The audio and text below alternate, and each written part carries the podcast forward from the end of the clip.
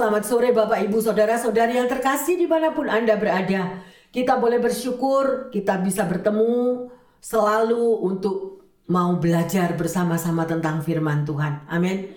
Ya, dan itulah yang menjadi berkat dan kekuatan setiap kita. Biarlah setiap anak-anak Tuhan selalu merasa haus dan lapar untuk apa yang Tuhan mau ajarkan.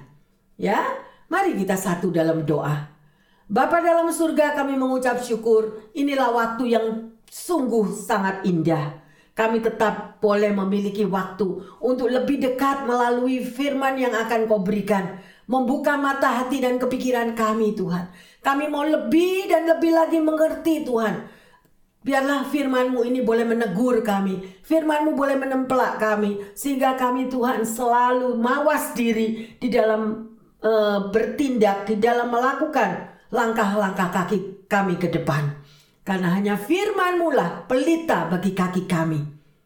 Dan di situlah kami boleh melihat betapa kasih-Mu selalu menyertai di dalam firman-Mu untuk senantiasa menegur dan menguatkan setiap umat-Mu. Terima kasih Bapa dalam surga di dalam nama Tuhan Yesus. Hamba berdoa. Haleluya. Amin. Amin. Amin. Ada amin yang terkasih? Ya, hari ini kita akan belajar sungguh sesuatu yang amat penting di dalam kehidupan saudara dan saya, yaitu mengerti akan kehendak Tuhan. Banyak anak-anak Tuhan yang mengaku sebagai anak Tuhan sudah dibaptis, tapi mereka hanya berjalan rutinitas, mereka berjalan sesuai dengan apa yang mereka mau tanpa mengerti akan kehendak Tuhan. Dan untuk mengerti akan kehendak Tuhan itulah yang terpenting di dalam hidup saudara dan saya. Ya, kita sudah diberkati Tuhan, kita sudah diangkat hidupnya atau masih ada mereka yang uh, mengalami struggle atau persoalan atau apa saja yang belum terjawab. Tetapi percayalah, melalui masalah-masalah yang ada itu yang terkasih, mengertilah terlebih dahulu akan kehendak Bapa. Dan untuk mengerti kehendak Bapa, kita harus tahu persis siapa Bapa kita. Siapa Allah kita. Kalau kita sudah mengenal siapa juru selamat kita, maka saudara juga akan mengerti siapa diri kita ini loh. Karena banyak orang yang tidak ngerti, tidak mengerti Tuhan dan juga tidak mengerti dirinya sendiri. Nah inilah yang jadi anak Tuhan yang langlinglung. Berjalan tapi tanpa kemudi, berjalan tapi tidak tahu arahnya ke mana. Ya, yang terkasih, sungguh-sungguh ini adalah suatu teguran untuk mengingatkan setiap kita. Ya, sebagai anak Tuhan kita harus tahu dan mau mengerti akan kehendak Tuhan. Tetapi banyak anak-anak Tuhan yang mengerti akan kehendaknya sendiri. Mauku, mauku, atau maumu. Ya, dan itu di luar daripada apa yang menjadi kehendak Tuhan. Ya, yang terkasih. Jadi, Tuhan itu memiliki kehendak khusus dalam hidup saudara dan saya. Ingat, Tuhan memiliki kehendak khusus bagi setiap kita orang percaya. Ya, dan mengetahui serta melaksanakan dari apa yang kehendak Tuhan merupakan tujuan hidup saudara dan saya. Ya, itu adalah tujuan hidup kita. Kalau kita tidak tahu apa yang harus kita lakukan dan agar dapat kita mengetahui kehendak Allah di dalam hidup setiap umatnya, sekali lagi saya katakan kita harus tahu lebih dahulu siapa Allah kita, siapa Bapak kita, ya. Dan Anda tidak mungkin akan kenal akan dirimu sendiri, ya, sebelum tahu siapa yang memiliki kita. Saudara itu punyanya siapa? Saudara itu miliknya siapa? Itu saudara harus tahu. Ya, oleh karena itu kenalilah siapa Allahmu. Yang terkasih sedemikian. Ya, Billy Graham mengatakan, mengetahui kehendak Allah adalah hikmat yang tertinggi. Hidup di dalam pusat kehendak Allah akan memastikan ketulusan pelayanan kita kepada Allah. Anda akan banyak mengalami kesulitan bila kita berada di luar kehendaknya. Ya, tetapi hati kita akan penuh dengan damai sejahtera kalau hidup kita ini setiap hari dipimpin oleh Roh Allah, dipimpin dan melakukan akan kehendak Allah. Dan inilah yang terpenting ya. Di sini kita mau belajar yang terkasih. Alkitab menyatakan bahwa Allah memiliki rencana untuk setiap pribadi umat yang dikasihinya dan dia akan memimpin perjalanan hidup saudara dan saya sesuai rencananya. Bukan sesuai aku, kehendakku. Nah, itu banyak yang salah kaprah. Ya, oleh karena itu tema pada sore hari ini adalah mengerti akan kehendak Tuhan. Mari kita baca bersama-sama di dalam Efesus 5 ayat 15 dan sampai 17. Karena itu, perhatikanlah dengan saksama bagaimana kamu hidup. Janganlah seperti orang bebal, tetapi seperti orang arif. Dan pergunakanlah waktu yang ada, karena hari-hari ini adalah jahat. Sebab itu, janganlah kamu bodoh, tetapi usahakanlah supaya kamu mengerti kehendak Tuhan. Haleluya yang terkasih ya. Di sini dikatakan sungguh-sungguh, janganlah kita itu menjadi bodoh. Kita nggak boleh bodoh ya usahakan supaya kamu mengerti akan kehendak Allah. Nah, bagaimana saudara bisa mau mengerti kehendak Allah? Seperti contohnya pada waktu kita anak-anak, pada waktu kita masih kecil, ya, 4 tahun, 5 tahun, pasti kita dipimpin oleh orang tua kita. Dan orang tua kita pasti mau menuntun kita yang masih kecil yang tidak tahu arah itu, ya, tidak memiliki apa pun yang kita mengerti dengan jelas, orang tua yang akan mengarahkan. Demikian juga hidup saudara dan saya. Ya, perjalanan hidup kita itu begitu luas, begitu dalam, begitu tinggi mungkin cita-cita kita. Tetapi kalau itu semua di luar daripada kehendak kita, maka kita akan mengalami kesulitan yang luar biasa. Ya, sedemikian rupa. Ya, kalau sekalipun Anda hidup di dalam tantangan dan pergumulan, tetapi setiap hari saudara minta tuntunan Roh Kudus. Minta pimpinan daripada Tuhan. Apa yang menjadi kehendakmu Tuhan? Selalu mengikut campurkan Tuhan di dalam mengambil segala keputusan. Jangan diputusin sendiri. Ya, libatkan Tuhan. Kadang-kadang orang yang selalu memakai pikirannya, ya biasanya kaum pria di sini udah ini mindsetnya itu sudah merasa paling benar paling betul akhirnya diambil jalan tanpa tanya Tuhan ya sekalipun wanita juga ada yang demikian. Ya jadi tidak ada kontrol lagi. Yang ada adalah mauku mauku. Sekalipun firman Tuhan sudah berbicara tetap dilanggar. Nah akhirnya apa? Bayar harga kan? Mari yang terkasih, firman ini sungguh-sungguh mengingatkan kita, ya. Mari kita bisa mengalahkan keinginan diri kita sendiri, kedagingan kita. Karena itu semua akan menyengsarakan hidup kita sendiri.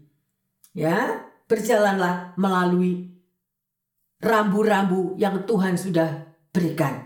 Ya, masalah di dalam pekerjaan, di dalam karier, Usaha apa saja yang kita kembangkan, semuanya itu mari kita membutuhkan petunjuk-petunjuk khusus dari Tuhan.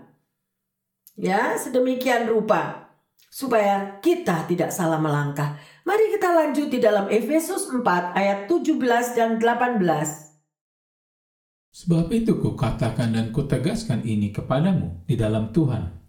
Jangan hidup lagi sama seperti orang-orang yang tidak mengenal Allah dengan pikirannya yang sia-sia dan pengertiannya yang gelap, jauh dari hidup persekutuan dengan Allah, karena kebodohan yang ada di dalam mereka, dan karena kedengkian hati mereka.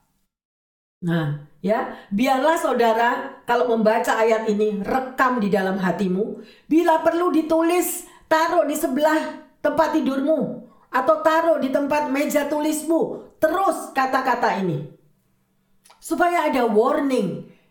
Ada Tuhan yang mengingatkan kita. Ya, di sini dikatakan pengertian kita jadi gelap, jauh dari persekutuan dengan Allah. Kenapa? Ya, ya karena kita ini bodoh. Ya, dan bebal, mengeraskan hati, mauku, mauku.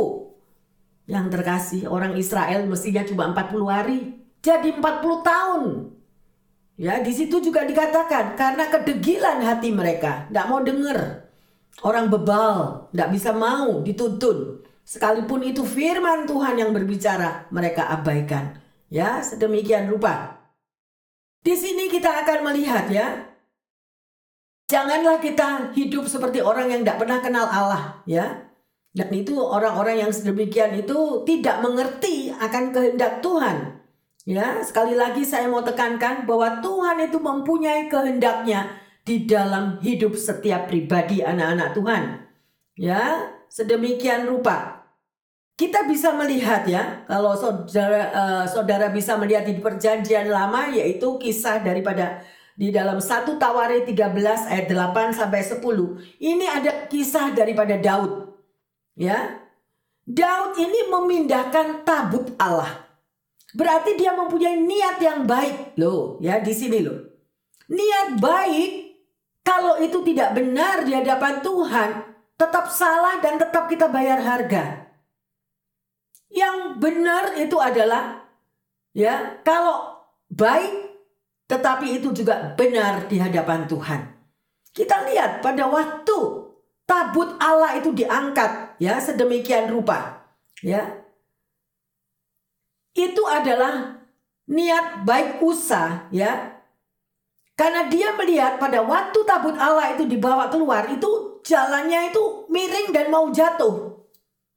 Tapi pada waktu tabut Allah tadi mau jatuh, Usa berusaha untuk menahan supaya tabut Allah itu tidak jatuh. Itu satu kebaikan kan? Menahan, jangan sampai tabut Allah itu jatuh. Tapi pada waktu Usa berusaha menahan supaya tabut itu tidak jatuh, Usa mati. Jadi hati-hati loh. Oleh karena itu ini menjadi satu uh, apa peringatan juga bagi saya pada waktu saya membaca, meneliti firman ini. Berbuat baik itu memang baik kalau ada kebenaran. Berbuat baik tapi kalau tidak sesuai dengan apa yang menjadi kehendak Tuhan, itu loh. Ya, akhirnya kita membayar harga. Sedemikian rupa. Ya, itu ada saudara bisa baca di dalam satu Tawari 3 ayat ke-11. Kenapa hal itu bisa terjadi? Pertanyaannya sekarang. Orang sudah mau berbuat baik malah mati, doh. Ya, karena Daud melakukan tidak sesuai dengan kehendak Tuhan. Sih? Ya, oleh karena itu jangan pakai pikiran kita sendiri. Jangan kalau kita menghadapi masalah, mendidik anak, menghadapi sekolah, menghadapi karir, menghadapi apa, langsung tanpa tanya ambil jalan pintas semuanya berantakan. Ya, libatkan Tuhan yang terkasih sekali lagi. Ya, ayo kita lihat di sini. Sering kali kita ini berusaha dengan kekuatan sendiri dan kita pikir itu sudah baik. Baik itu ya. Kita baca di dalam 1 Tawari 15 ayat 13 dan 14. Sebab oleh karena pada pertama kali kamu tidak hadir, maka Tuhan Allah kita telah menyambar di tengah-tengah kita, sebab kita tidak meminta petunjuknya seperti seharusnya. Jadi para imam dan orang-orang Lewi menguduskan dirinya untuk mengangkut tabut Tuhan Allah Israel. Hmm, see? Jadi ada aturannya. Siapa yang boleh mengangkat tabut itu? Dan bagaimana caranya? Semua itu jelas terperinci. Oleh karena itu yang terkasih saya menghimbau. Kalau kita mau mengambil keputusan atau kita mempunyai niat sesuatu, mari libatkan Tuhan. Dan kita mau berdoa dan berpuasa. Ya, lebih baik kita mau sabar menunggu sampai ada jawaban yang benar. Ya, tapi kalau kita itu sudah seperti orang yang dikejar dan merasa, oh ini baik, oh ini benar, oh ini bagus, tabrak aja dan akhirnya kita yang rugi sendiri yang terkasih. Ya, jadi kalau kita melihat di dalam apa yang sudah Daud alami tadi, benar-benar ada syarat-syaratnya, ada kehendak Tuhan jadi berhati-hatilah di dalam menjalani hidup ini. Ya, semuanya niat baik itu dilibatkan dengan kehendak Tuhan. Ya, sedemikian rupa. Kembali kita membaca di dalam kitab Efesus yang tadi dikatakan ada orang bebal, ada orang bodoh, dan ada orang arif. Orang bodoh itu tidak ada obatnya menurut ukuran dunia. Ya, kalau bodoh tidak bisa kaya katanya. Dan orang kaya tidak bodoh karena kalau orang bodoh ya sedemikian rupa dia menerima warisan dari orang tuanya yang berlimpah-limpah, luar biasa. Ya, ini si bodoh tadi. Tetapi dia akan habis juga karena dia tidak memakai apa yang sesuai dengan um, yang Tuhan mau. Ya, jadi karena kebodohannya makanya kalau enggak enggak sampai dibilang orang bodoh. Ada di Alkitab orang bodoh loh.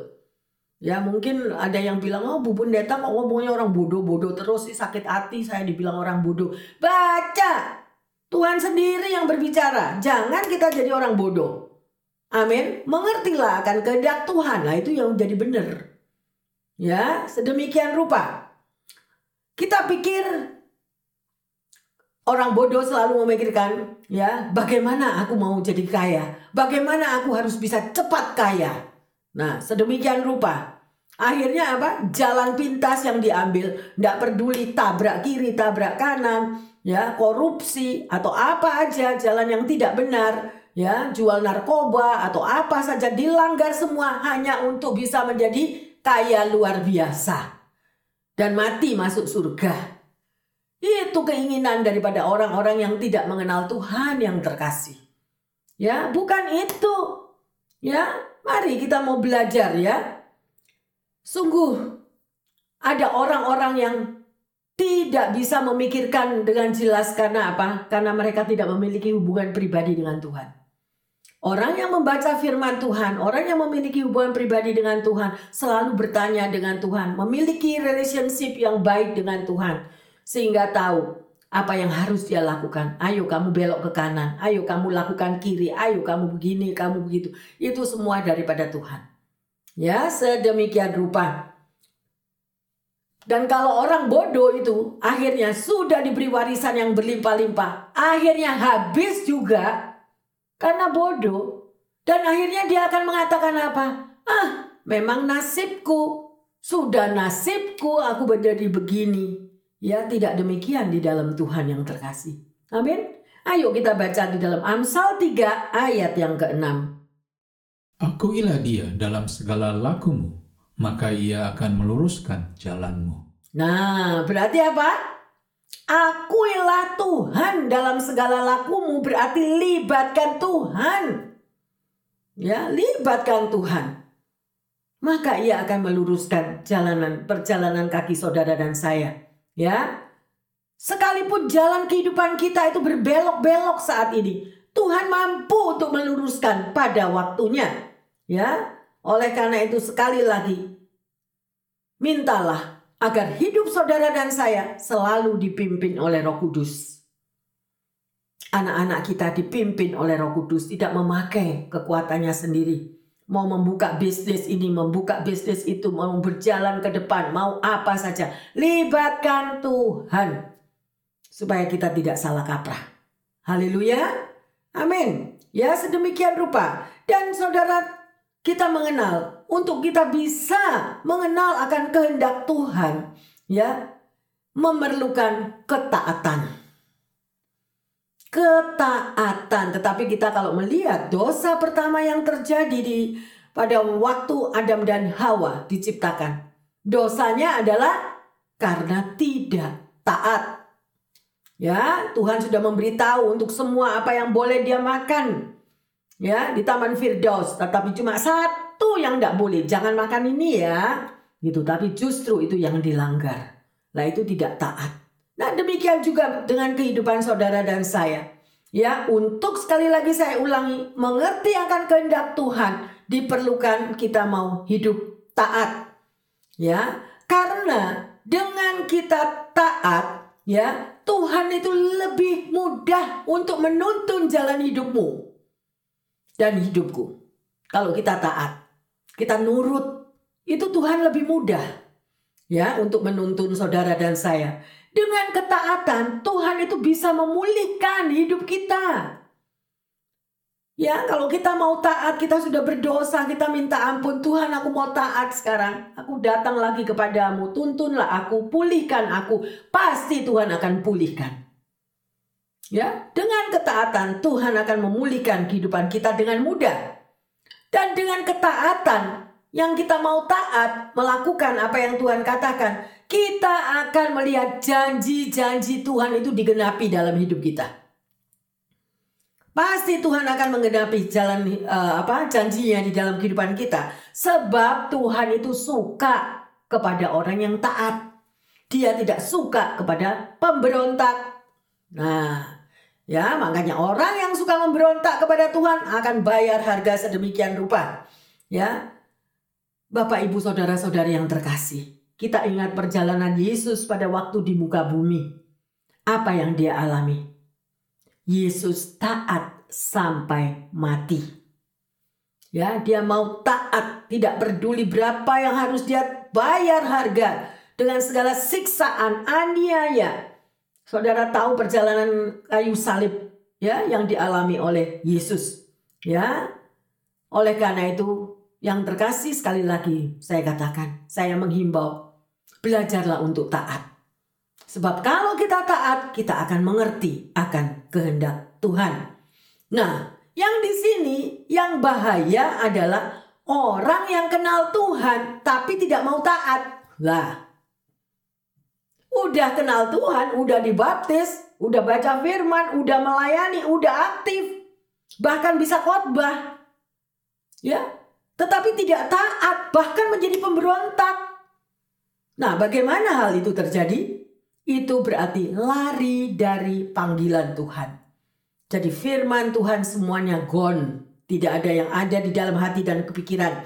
Contohnya di mana? Ayo kita lihat Yunus. Dia lari dari panggilannya. Bagaimana dengan hidup saudara dan saya? Ayo kita koreksi diri. Ya. Pada waktu Yunus lari dari panggilannya, akhirnya dia ditelan oleh ikan, ya.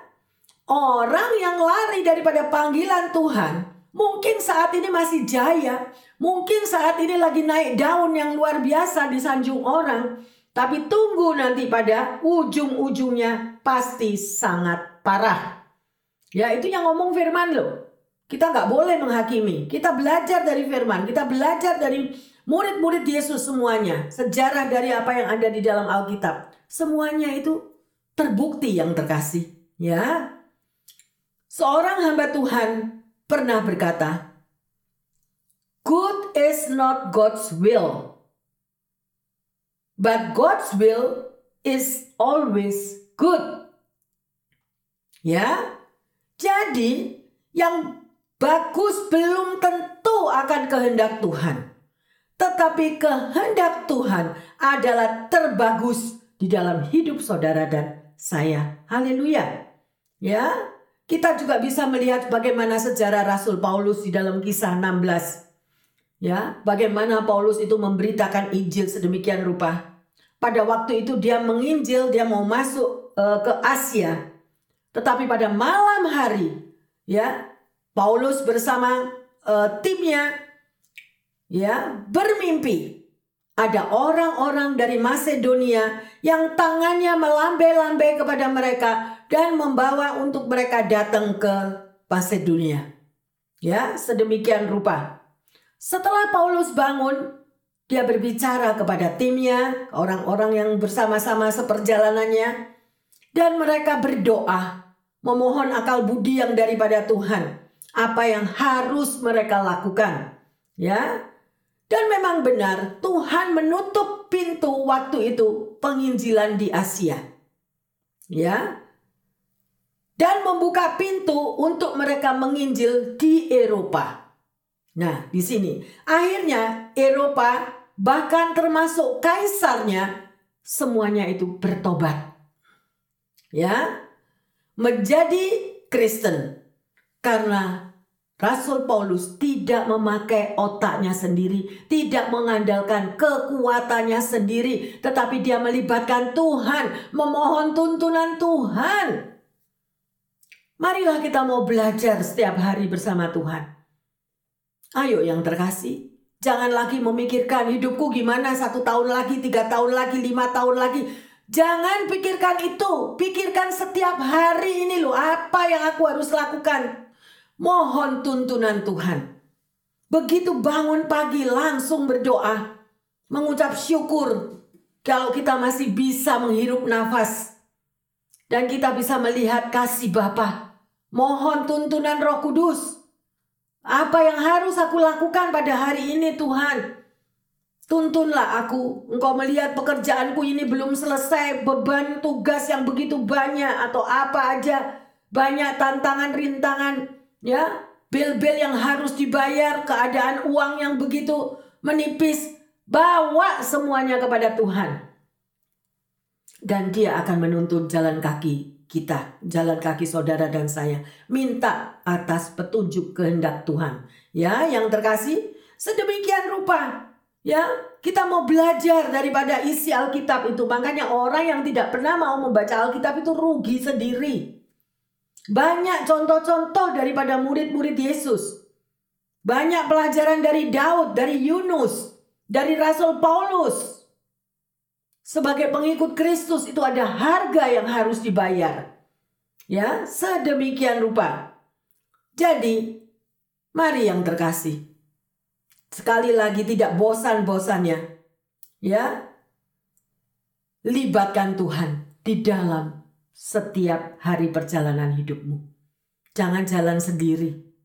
Kalau kita jalan sendiri pakai kekuatan sendiri pasti kita hilang.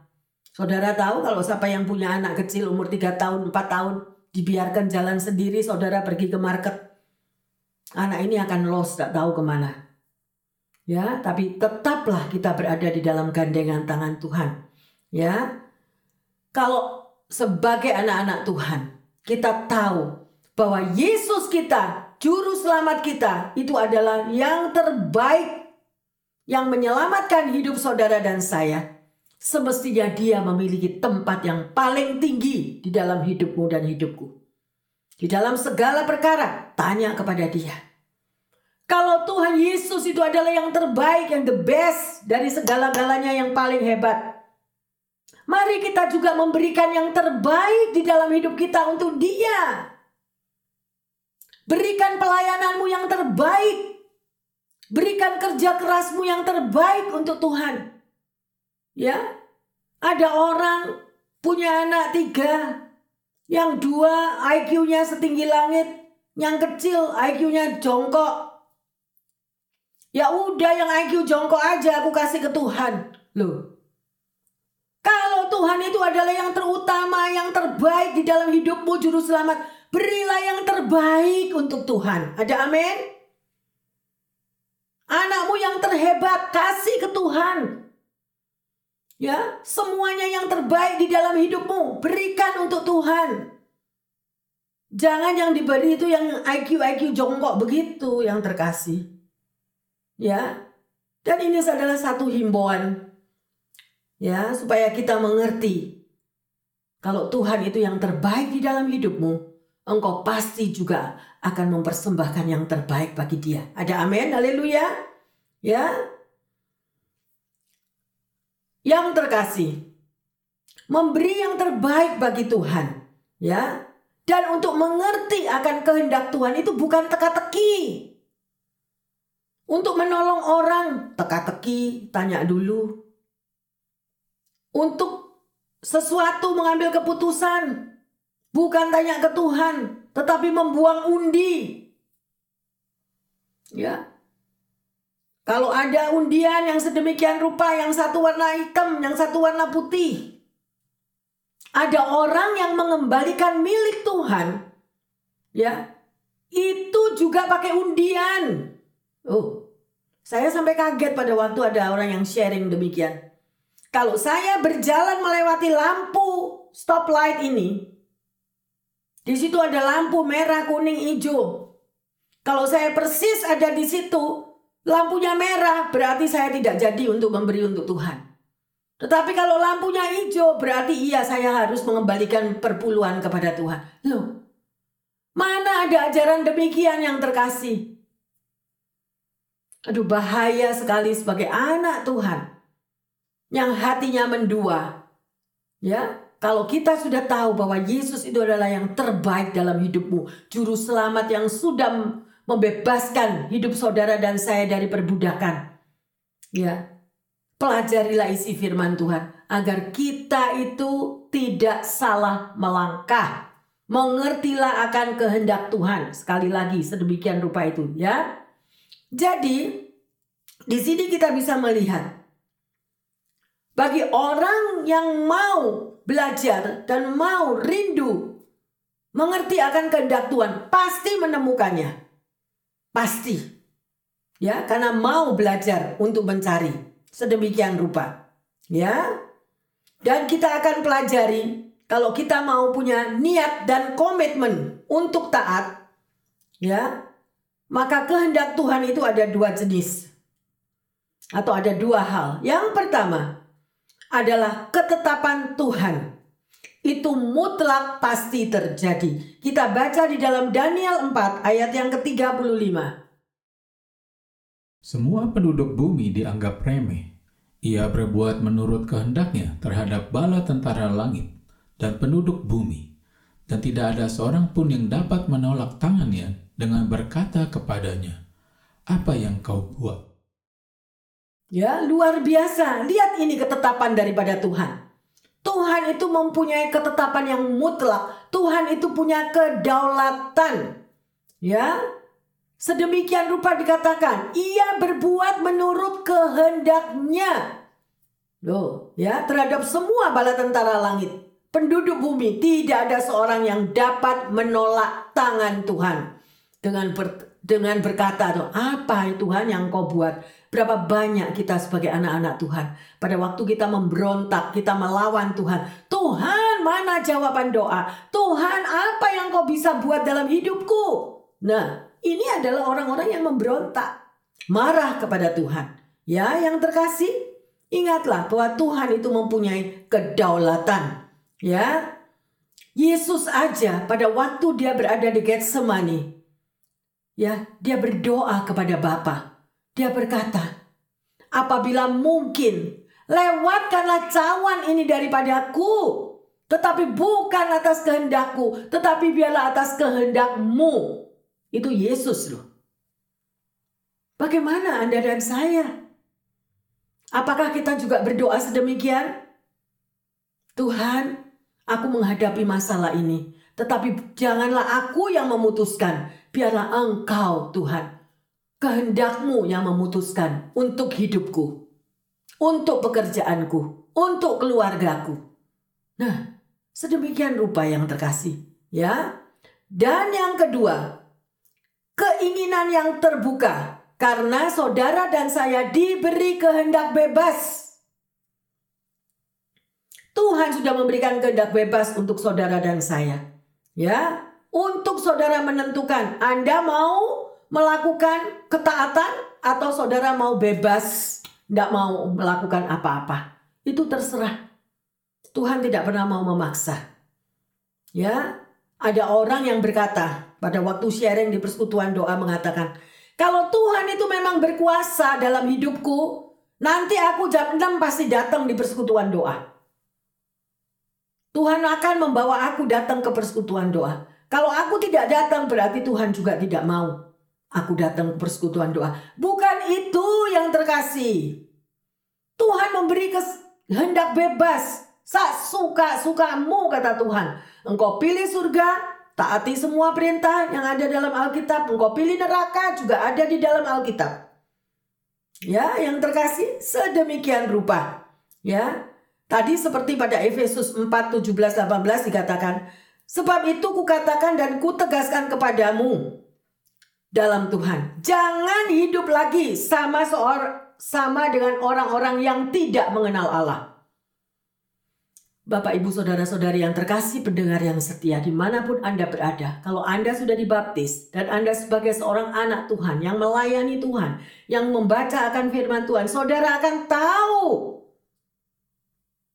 bahwa setiap hari hidup kita, nafas hidup kita ini bergantung sepenuhnya kepada dia. Ada amin? Karena dia adalah raja di atas segala raja, juru selamat saudara dan saya.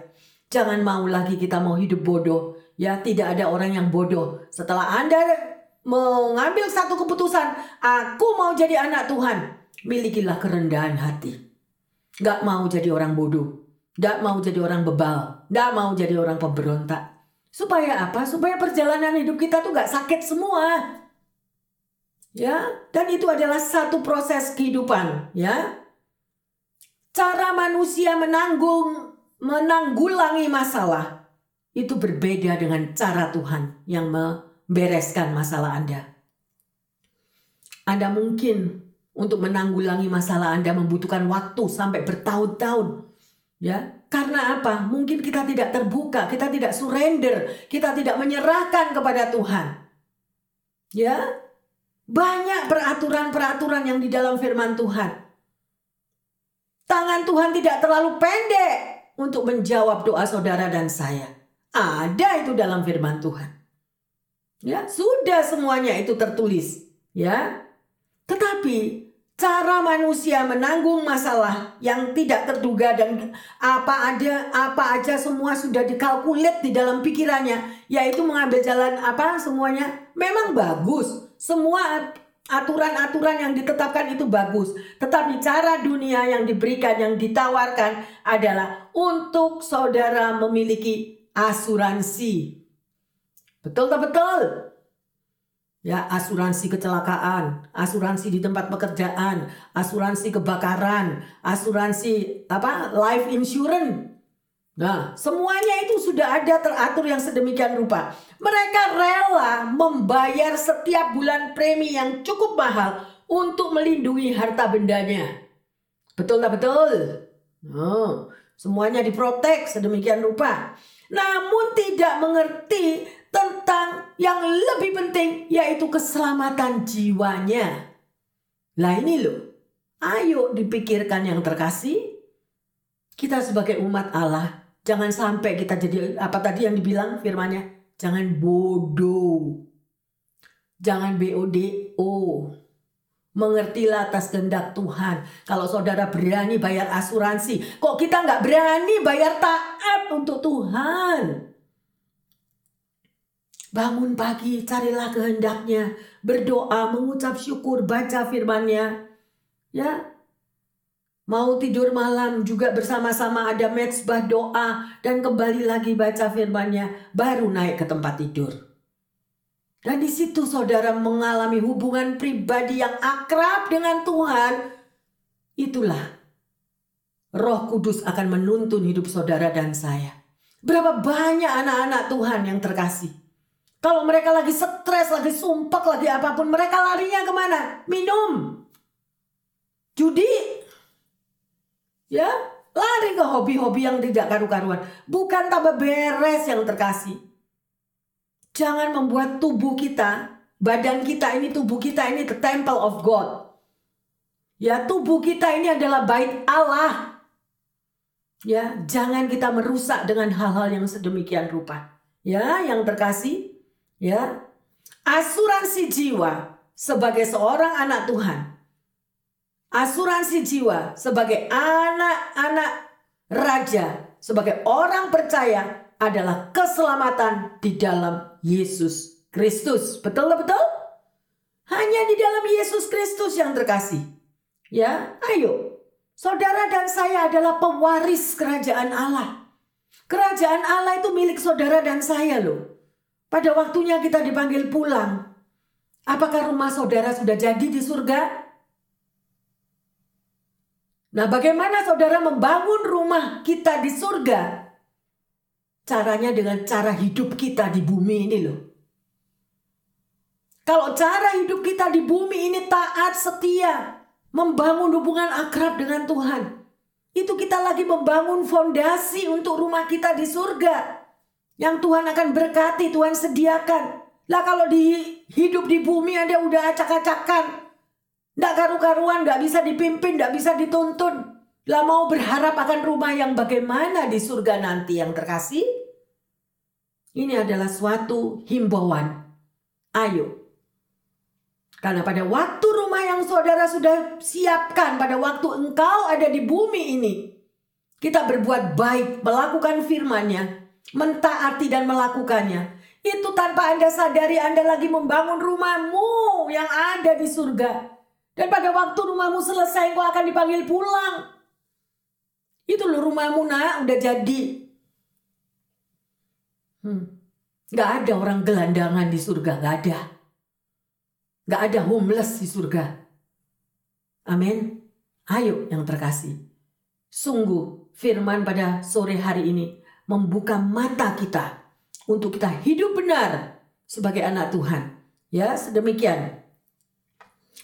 Ada seorang bapak, ya, dia membuat lelucon dengan teman-temannya dan berkata bahwa dia itu setiap hari harus membuat tiga keputusan katanya. Ya, keputusan itu tidak mudah. Buat dia itu adalah sulit, yaitu pada waktu setiap hari dia harus menentukan sarapan paginya apa. Hmm. Ya, itu yang pertama. Mau makan segala macam, ya. Ada yang mau makan ringan, mau makan berat, mau makan apa aja. Kemudian Bapak ini kebetulannya dia tuh tinggalnya di Singapura. Mulai dari student, mulai dari remaja dia sudah sekolah di Singapura. Akhirnya menikah di sana dan akhirnya dia sedemikian rupa untuk makan pagi menentukannya sudah sulit. Makan siang bingung di kantor. Makan malam pulang bingung karena di hidup di Singapura itu saudara tidak peduli cuma Singapura di mana-mana sama. Ada makanan Asia, ada makanan India, ada makanan yang lain-lain lagi. Jadi dia bingung mau nentuin yang mana. Ya, setiap hari dia katakan itu. Ya, ada makanan Melayu, jadi dia sedemikian dimanjakan oleh banyak-banyak pilihan yang sedemikian rupa.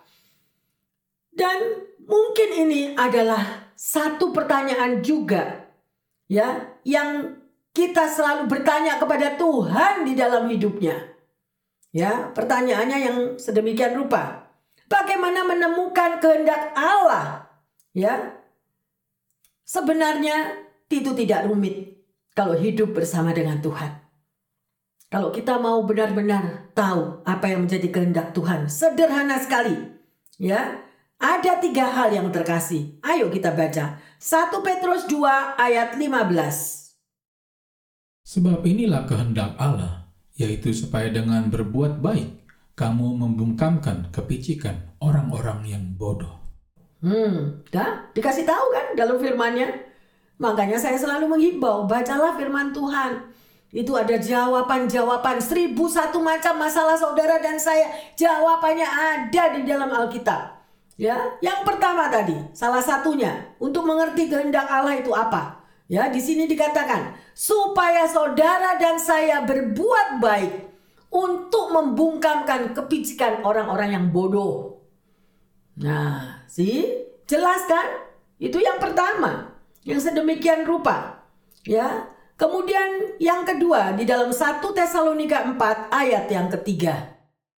Karena inilah kehendak Allah, pengudusanmu, yaitu supaya kamu menjauhi percabulan. Nah, ada lagi. Ini yang Tuhan mau. Ya, sangat jelas sekali. Jadi saudara dan saya harus hidup kudus. Kudus itu bukan cuma hanya di dalam perbuatan, tetapi di dalam pikiran kita ini loh, yang orang lain tidak bisa lihat. Ya, kalau pikiran kita itu sudah yang aneh-aneh, tentang hal juga yang aneh-aneh, itu juga sudah tidak kudus. Ya, yang terkasih. Kemudian yang ketiga, 1 Tesalonika 5 ayat 18. Mengucap syukurlah dalam segala hal, Sebab itulah yang dikehendaki Allah di dalam Kristus Yesus bagi kamu. Luar biasa yang terkasih. Berarti kita sudah tahu kan? Untuk mengikuti kehendak Allah, semuanya sudah teratur dan sudah tertulis di dalam firman-Nya. Ya, saudara dan saya sudah dianjurkan untuk melakukan hal sedemikian. Ketika saudara dan saya hidup di dalam iman dan melakukan apa yang tertulis sesuai dengan Alkitab, Ya dengan jelas kita yakin bahwa saudara dan saya mampu untuk mengambil satu keputusan yang benar ya pada waktu ada pertanyaan-pertanyaan atau kesulitan-kesulitan di dalam hidup saudara akan dapat menyelesaikannya. Karena rambu-rambu itu sudah diajarkan melalui firman Tuhan yang terkasih Ya, jadi kehendak Allah supaya saudara dan saya ini berserah sepenuhnya, bersedia mengikuti apa yang diperintahkannya, setia kepadanya. Maka pasti saudara dan saya selalu ada di dalam bimbingan Roh Kudus. Sekali lagi, cara yang terbaik untuk Anda dan saya mengenal akan kehendak Allah adalah menyatakan ketaatan kita kepadanya. Ada amin? Haleluya, pendengar yang setia. Ya, hari ini kita sudah belajar mengerti kehendak Tuhan. Pertanyaannya, apakah kita sudah berusaha untuk mengerti kehendak Tuhan di dalam hidup saudara dan saya? Nah, ada pertanyaan ya. Yang kedua, jika Anda belum mengerti kenapa, loh, ayo bacalah firman Tuhan supaya kita lebih mengerti akan firman-Nya. Selanjutnya, apakah ada hal-hal yang menghalangi untuk Anda mengerti akan kehendak Allah? Kalau ada hal-hal yang menghalangi, sebutkan kenapa atau kita masih mengandalkan kekuatan kita sendiri, kepikiran kita sendiri? Nah, sebutkan hal-hal yang sedemikian, ya. Jadi, bagaimana cara Anda dan saya bisa mengerti akan kehendak Allah? Semuanya kita sudah pelajari sore hari ini yang terkasih, ya. Dan sebagai ayat emas, mari kita baca di dalam Roma 12 ayat yang kedua. Janganlah kamu menjadi serupa dengan dunia ini, tetapi berubahlah oleh pembaharuan budimu, sehingga kamu dapat membedakan manakah kehendak Allah, apa yang baik, yang berkenan kepada Allah, dan yang sempurna. Luar biasa. Baca sekali lagi, rekam di dalam hatimu, ya. Tulis bila perlu di paper, lekatkan di tempat meja belajarmu, meja kantormu bila perlu, ya, supaya kita selalu mawas diri. Jangan kita menjadi serupa dengan dunia ini, tetapi berubahlah. Itulah yang diimbau oleh Tuhan. Berubahlah oleh pembaharuan budimu sehingga kamu dapat membedakan mana kehendak Allah. Ya, apa yang baik, yang berkenan kepada Allah dan yang sempurna. Nah, ini sudah jelas. Jelas total sudah ada jawaban apa yang menjadi kehendak Allah di dalam hidup saudara dan saya. Ada amin? Bila Anda kurang jelas, ayo dengarkan sekali lagi bagaimana Anda dan saya mampu melakukan akan kehendak Allah. Bapa dalam surga, sungguh firman-Mu boleh membukakan mata hati dan kepikiran kami Tuhan. Kami boleh menjadi sadar bahwa di dalam kehidupan ini sering kami melangkah sendiri di luar Engkau. Di dalam kehidupan ini Tuhan, sering kali kami tanpa mohon tuntunanmu, tanpa mengerti akan kehendakmu, sehingga kami memutuskan setiap masalah itu dengan kekuatan kami sendiri. Terima kasih Bapak dalam surga. Saat ini kami tahu dengan jelas Bapak kami mau membuka hati, membuka pikiran kami, memohon senantiasa pengurapanmu setiap hari di dalam kehidupan kami. Agar betul-betul firman ini tadi Tuhan terjadi di dalam setiap kami. Bagi pendengar yang setia di mana pun mereka berada, baik di rumah mereka maupun di kamar-kamar mereka, ataupun juga bagi semua jemaat yang mendengarkan firman ini. Biarlah kehendakmu yang kami mampu lakukan, bukan dengan kehendak kami sendiri. Tuhan ampuni kami. Ampuni kalau selama ini kami memakai kekuatan kami sendiri. Selama ini kami tidak mengerti ya Tuhan. Sehingga kami harus membayar harga sedemikian parah.